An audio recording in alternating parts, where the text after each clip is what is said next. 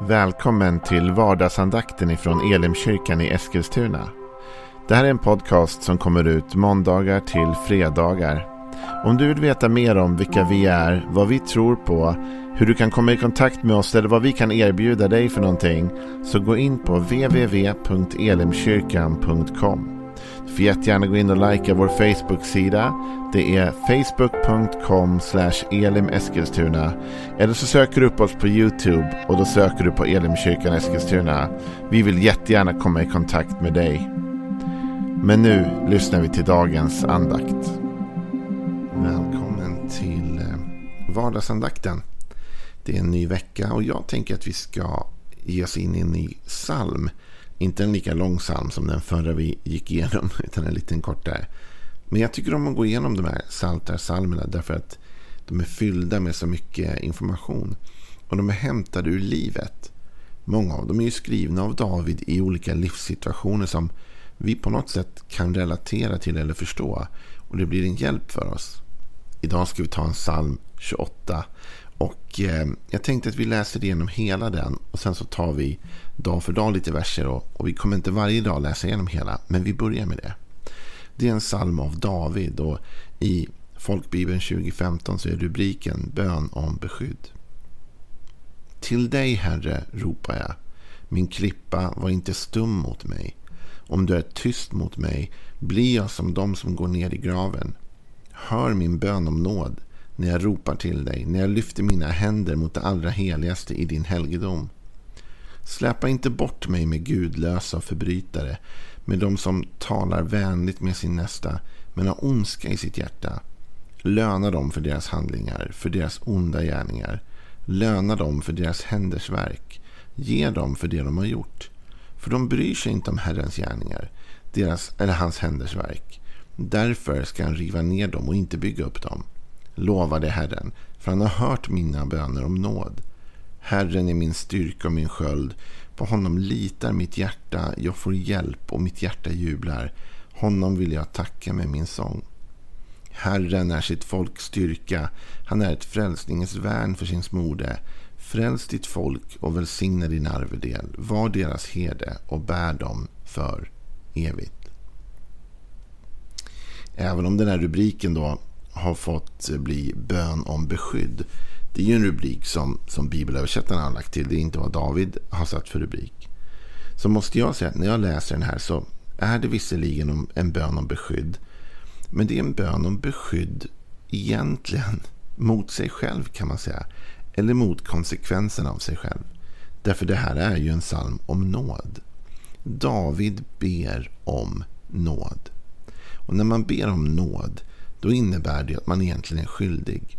Eller hur? Man ber om att bli skonad från någonting. Man ber om nåd. Man vet att man har gjort fel. Man vet att man egentligen är dömd. Men man ber, snälla, jag ber om nåd, om förbarmande. Den första versen här är den jag vill titta på mer idag. Till dig, Herre, ropar jag, min klippa, var inte stum mot mig. Om du är tyst mot mig blir jag som de som går ner i graven. Här finns det ju mycket att säga. Det ena är att när vi har gjort någonting dumt så bör vi inte rymma bort från Gud utan söka oss till Gud. Det här är ju liksom en urgrej i Bibeln nästan. För att det Adam och Eva gjorde när, när ormen hade lurat dem och de hade ätit av frukten i den bibliska berättelsen. Det var att de sprang och gömde sig för Gud. Det står ju i första Mosebok att Gud går och ropar på dem. Och så till slut kommer de fram och de har gömt sig för att de är rädda. Men David här, som snart kommer be Gud om nåd, han gömmer sig inte för Gud. Han till och med ropar efter Gud. Till dig, Herre, ropar jag. Så han vet vart han ska vända sig. Jag tror att det där är väldigt viktigt för dig och mig att förstå att när vi gör bort oss eller vi gör något dumt eller vi kanske hamnat i en knäpp eller dum situation så ska vi inte gömma oss för Gud utan vi ska springa till Gud. Vi ska ropa till honom. Därför han är ju den som kan ge oss nåd. Så vi kommer till honom, inte kaxigt eller stödja, utan vi kommer med insikten om att vi behöver be om ursäkt eller be om nåd eller be om hjälp och förbarmande. Men det är ändå till Gud som vi ropar. Till dig, Herre, ropar jag. Min klippa, var inte stum emot mig. Om du är tyst mot mig blir jag som de som går ner i graven. David vet att om jag inte får Guds nåd, om jag inte får höra hans röst, så är jag förlorad. Jag behöver verkligen höra honom tala. Och Jag tror att det här är någonting som du och jag måste våga ännu mer i våra liv. Våga sträcka oss efter att få höra Gud tala. Insikten om att hans tilltal kan vara helt avgörande. David säger om du inte talar, om jag inte hör dig tala, då blir jag som de som går ner i graven. Alltså jag kommer inte klara mig utan ditt råd, utan din vägledning, utan din nåd. Utan Gud, jag behöver höra din röst. Och det finns liksom en, en desperation i Davids längtan efter att höra Gud tala. Bär du och jag den desperationen idag? Längtar vi efter att få höra honom tala? Och nu menar jag inte att liksom vi kommer få höra en hög röst. Jag tror aldrig jag har hört Gud tala på det sättet att jag har hört det som någon röst.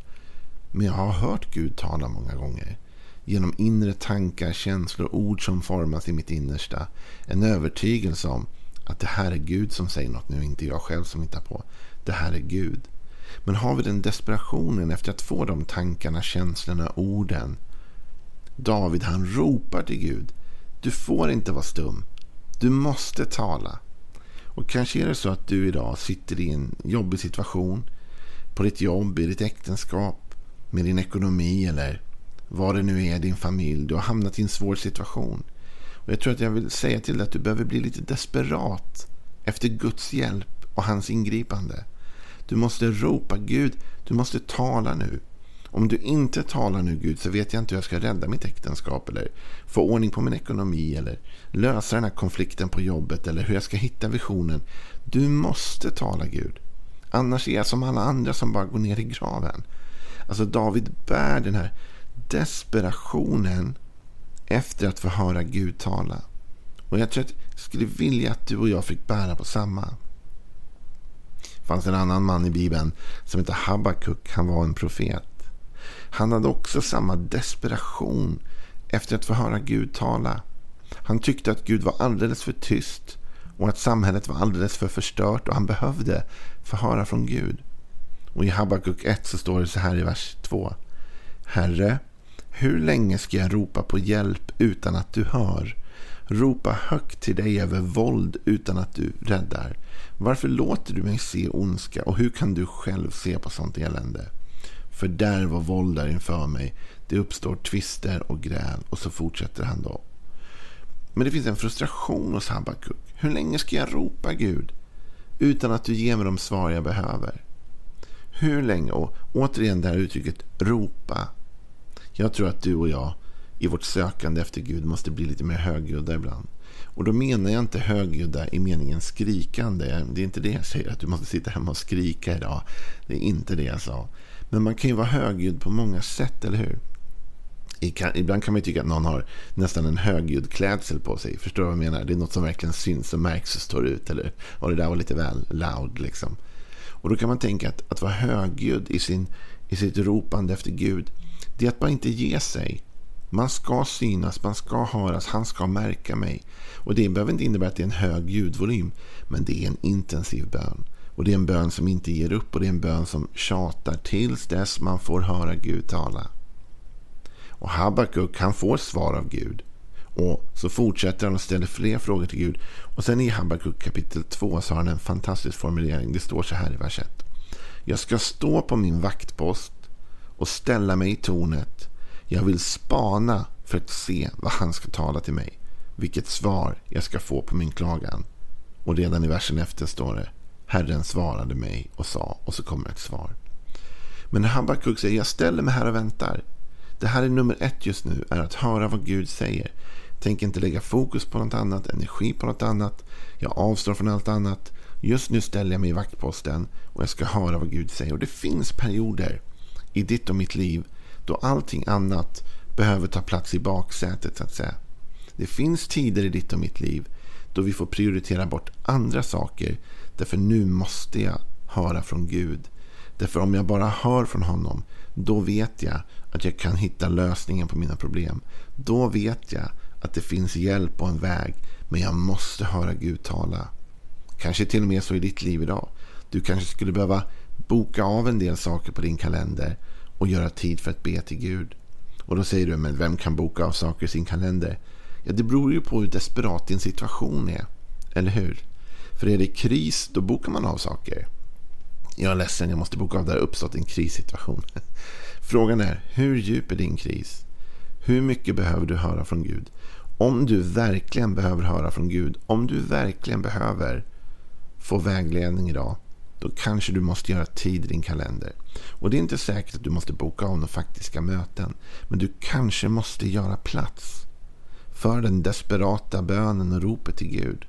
Kanske kan du gå och lägga dig lite senare än vanligt för att be lite längre. Kanske kan du göra tid någonstans i kalendern för att säga till Gud, Gud, jag måste höra dig tala. Nu tänker jag ställa mig här och det här är prio ett. Jag behöver höra din röst. Därför ett, jag kanske har gjort något dumt och jag måste få be dig om nåd. Eller två, jag är i en situation och jag har ingen aning om hur jag ska ta mig ur detta. Eller, jag känner att det är något jag måste be för. Jag känner att jag behöver hitta visionen, kallelsen, drivet. Vad det nu är. Att verkligen bli lite mer desperat i sin bön. Att våga ropa, att våga utmana på ett sätt Gud att svara. För det gör både Habakuk och David. De utmanar faktiskt Gud på ett sätt att svara. Vi ropar till dig Gud. Du måste svara liksom. Annars är det kört. Det är ett sätt också att visa en oerhörd respekt för Guds tilltal, eller hur?